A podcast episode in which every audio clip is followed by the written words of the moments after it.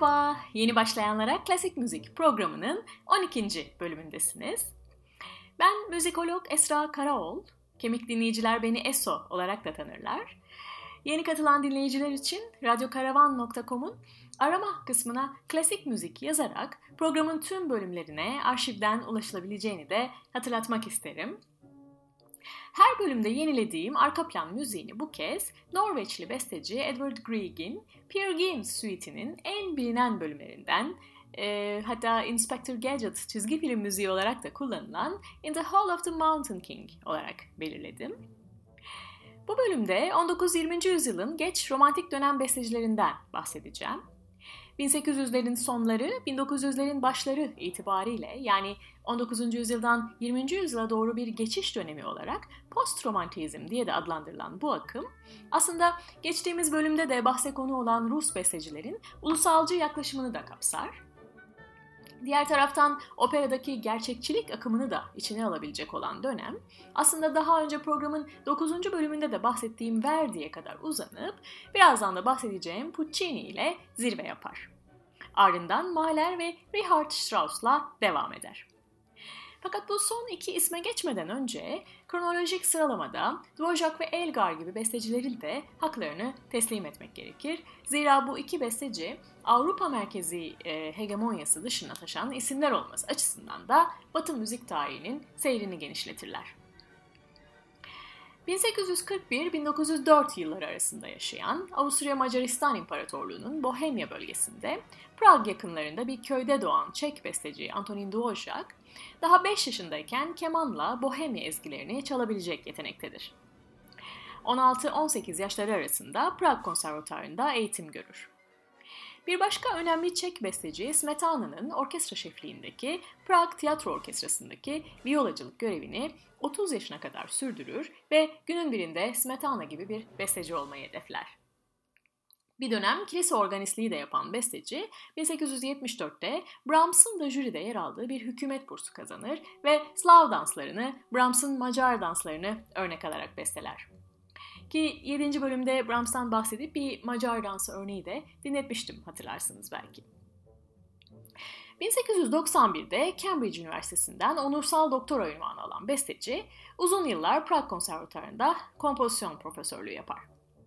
Kendi vatanının yerel ezgilerinin yanında 1892-95 yılları arasında Ulusal Müzik Konservatuarı müdürü olarak gittiği New York'ta yaşadığı yıllar boyunca Amerikan ezgilerini de keşfeder ve kariyeri boyunca bunlardan faydalanır. Dünyanın dört bir yanına da seyahat edip konserler verdiğinden popüler olur. Özellikle Yeni Dünya'dan alt başlığıyla 9 numaralı Mi minör senfonisini taşındığı Amerika'dan doğduğu Bohemia'ya doğru geçmişe bakan bir eser olarak besteler. New York Filarmoni Orkestrası tarafından sipariş edilen bu senfoni 1893 yılında Carnegie Hall'deki ilk seslendirilişinden itibaren de en popüler senfonilerden biri olur. Besteci Amerikan müzik ortamı üzerine demeçler verip makaleler de yazar. Tıpkı Çek halk müziğinde olduğu gibi Amerikan müziğinin de örnekse Kızılderililerin yerel ezgileriyle kalkınabileceğini savunur ve kendisi de iki kültürden ezgiler barındıran American başlıklı birkaç oda müziği besteler. Ömrünün büyük bir kısmını vatan hasreti çekerek geçirdiğinden eserlerinde de kendisine vatanını anımsatacak ögeler kullanır oda müziği ve konçerto bestelerinin yanı sıra Si minör violonsel konçertosu, Rusalka operası ve orijinali 4 el piyano için olan ancak yine besteci tarafından yapılan orkestra versiyonlarına daha aşina olunan 16 Slav dansı diğer yaygın bilinen eserlerindendir ki bu Slav danslarından örneğin Opus 46'daki 1'den 8'e ve Opus 77'deki 2 numarayı e, sizlere önerebilirim. Belki programdan sonra dinlemek istersiniz. 30 yılda 40'tan fazla oda müziği yazar. Praga döndüğü son yıllarında büyük opera stilinde operalar ve 5 senfonik şiir de besteler. Ölene kadar Prag Konservatuarı'nın müdürlüğünü yapan Dvorak'ın 60. yaşı da ulusal törenlerle kutlanır ve 3 sene sonra kalp krizinden yaşama veda eder. Şimdi bestecinin o meşhur senfonisinin, 9. senfonisinin e, 4. bölümünü dinleyelim. Thank you.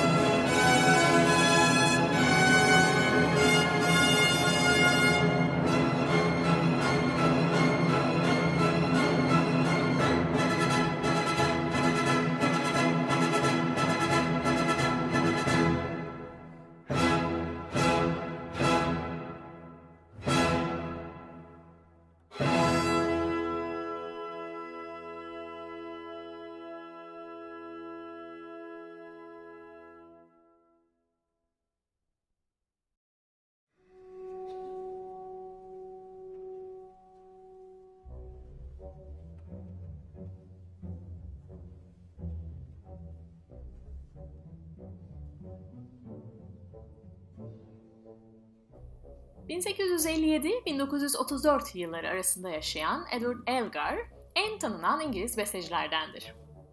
Ulusal bir hazine olarak görülen bestecinin hayatının büyük kısmını geçirdiği İngiliz kırsal manzarası da eserlerinin ilham kaynağı olur. Piyano akordörlüğü yapıp nota ve enstrüman satan babasından müziğe dair çok şey öğrenir ve Avrupa konservatuarlarında iyi bir eğitim görür.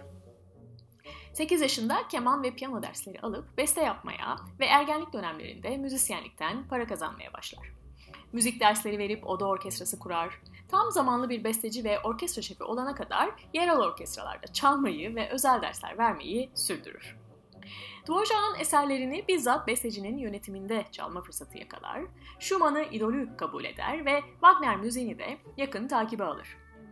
Öğrencisiyken evlendiği yazar eşi Caroline Ellis Roberts, menajerliğini üstlendiği bestecinin yaşamını kökten değiştirerek onun en büyük şansı olur. Handel'den sonra kralın taç giyme töreni için yazdığı marş ve Purcell'dan sonra besteci çıkaramayan İngiliz müziğinin 20. yüzyıldaki gururu olur.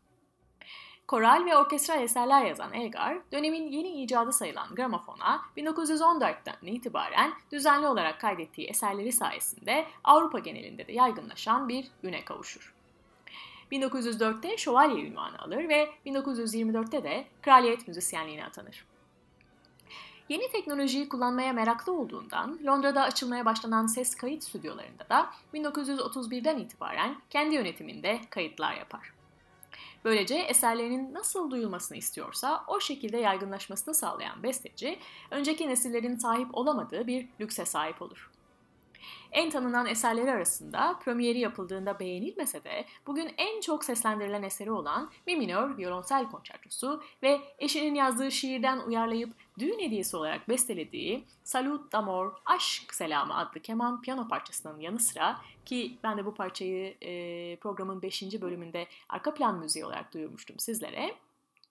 Besteci bugün konser salonlarında en çok seslendirilen eserlerin başında gelen ve gizli temasıyla ünlenen Enigma çeşitlemeleri, kemancı Fritz Kreisler'e ithaf ettiği ve ortalama 50 dakikalık süresiyle romantik dönemin en uzun keman konçertolarından biri olan Si minör keman konçertosu, La bemol majör tonunda neredeyse tek senfoni olma özelliğini taşıyan bir nolu senfonisi, Chanson de Nuit ve Chanson de Matin adlı gece ve sabah şarkıları ve yaylı çalgılar için serenat gibi eserleriyle bilinir. Eşinin ölümünden sonra motivasyonunu kaybeden besteci, kendi ölümünden sonra da eşinin yanına gömülür. Elgar, müzikte devrimsel atılımların yapıldığı bir çağda yaşamasına karşın, ilerleyen bölümlerde bahsedeceğim Schönberg ve Bartok gibi öncü isimlere itibar etmeyip kendi bildiği yoldan yürür ve belki de bu yüzden ölümünden sonra eserleri modası geçmiş sayılarak rafa kaldırılır. Şimdi sizlere Elgar'ın Mi minör violonsel konçertosunun ilk bölümünü dinleteceğim. Ee, ki bu konçerto Dvorak'ın Si minör konç- violonsel konçertosu ile birlikte dünyada en çok icra edilen iki e, cello konçertosundan biridir. Ve biz de e, bu konçertoyu şimdi e, ünlü İngiliz cellist Jacqueline Dupre ve orkestra şefi Daniel Barenboim e, yönetiminde e, dinleyeceğiz. E, bu iki isimden bahsetmişken de e, onların ilişkilerine de tanıklık edebileceğimiz e, bir film önerisinde bulunmak istiyorum. İzlemediyseniz Hillary and Jackie'yi tavsiye edebilirim sizlere.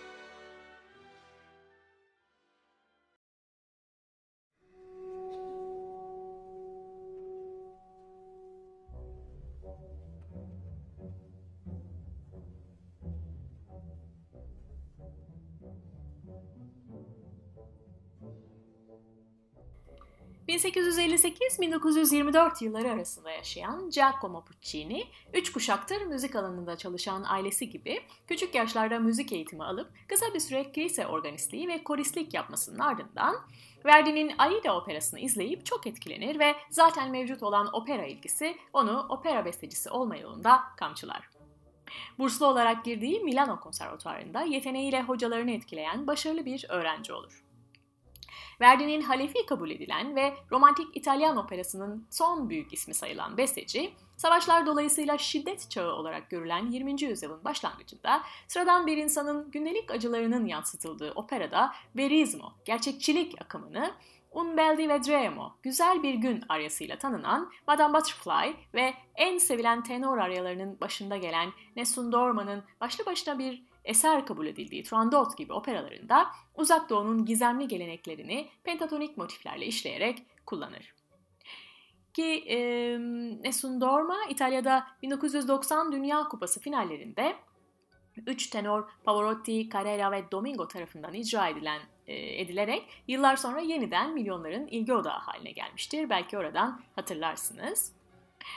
Turandot'u tamamlayamadan yaşamını yitirdiğinden eserin La Scala'daki premierinde orkestra şefi Arturo Toscanini, bestecinin eseri en son yazdığı yere geldiğinde orkestrayı durdurup seyirciye bestecinin ölüme yenildiğini haber, haberini verir. Tek perdelik operasında O mio babino caro, A benim sevgili babacığım aryası öne çıkar. Melodi zenginliğine ve etkileyiciliğine önem veren besteci, şarkıcıların orkestralara üstünlüğünü gözetir. Operaya büyük katkı sunan besteciler arasında sayılan Puccini'nin La Bohème operası da Toscanini yönetimindeki premierinde beğenilmemesine rağmen sonradan tüm zamanların en popüler operalarından olur. Bestecinin ölümü La Bohème'in Roma'da bir temsili sırasında haber alınıp eser durdurularak salona haber verilir ve Chopin'in cenaze marşı eşliğinde izleyiciler ayağa kalkarak besteciye saygı duruşunda bulunurlar. Şimdi Puccini'nin Madame Butterfly operasından Un bel di vedremo aryasını dinleteceğim size. Hem de ünlü Türk e, sopranomuz e, Leyla Gencer solistliğinde e, ve dinledikten sonra da Leyla Gencer hakkında da biraz bilgi verip programı yavaş yavaş kapatacağım.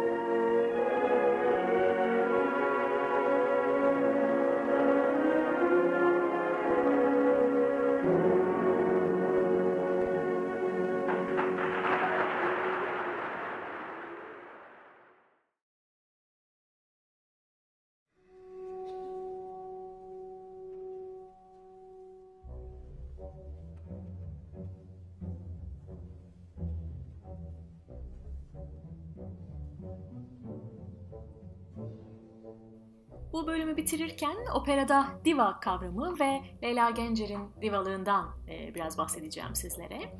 İtalyanca tanrıça anlamına gelen diva sözcüğü, operada yeteneği, saygınlığı ile ünlenen baş kadın oyuncuya verilen addır. Ve yalnız operada değil, sinema ve tiyatroda da kullanılır. Opera bestecileri tarihin her döneminde belli seslere, tanıdıkları solistlere göre roller yazarlar. 18. yüzyılda e, ben de geçmiş programlarda bahsetmiştim hatırlarsanız castrato sesinin sanatsallığı bestecileri büyüler ve her besteci belli bir castrato'nun özel ses rengine göre yazar. 19. yüzyılda ise ses sınırlarını zorlayabilen olağanüstü yetenekli ünlü sopranolar nihayet gündeme gelir ve 20. yüzyılda bir Türk diva, La Diva Turca, Leyla Gencer, La Scala'nın divası olur. İtalyan operalarındaki başrollerinde başarısı ve disiplinli kişiliğiyle seçkinleşir.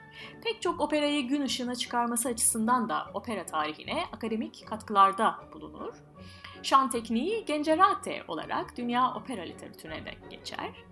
Hatta 1958'de Puccini'nin 100. doğum yılı nedeniyle Puccini altın madalyasına değer bulunarak belki de yurt dışındaki yarışmalarda ödül kazanan e, ilk Türk klasik batı müziği yorumcularından olur.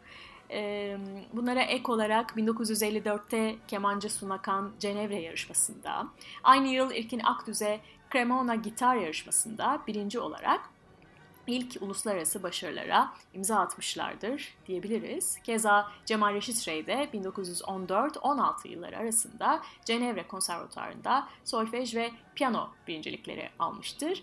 Bu vesileyle bu e, uluslararası e, Türk sanatçılarımızın başarılarından da e, kısacık da olsa bahsetmek istedim. E, bu bölümün sonuna geldik. Gelecek bölümde görüşmek dileğiyle. Hoşçakalın.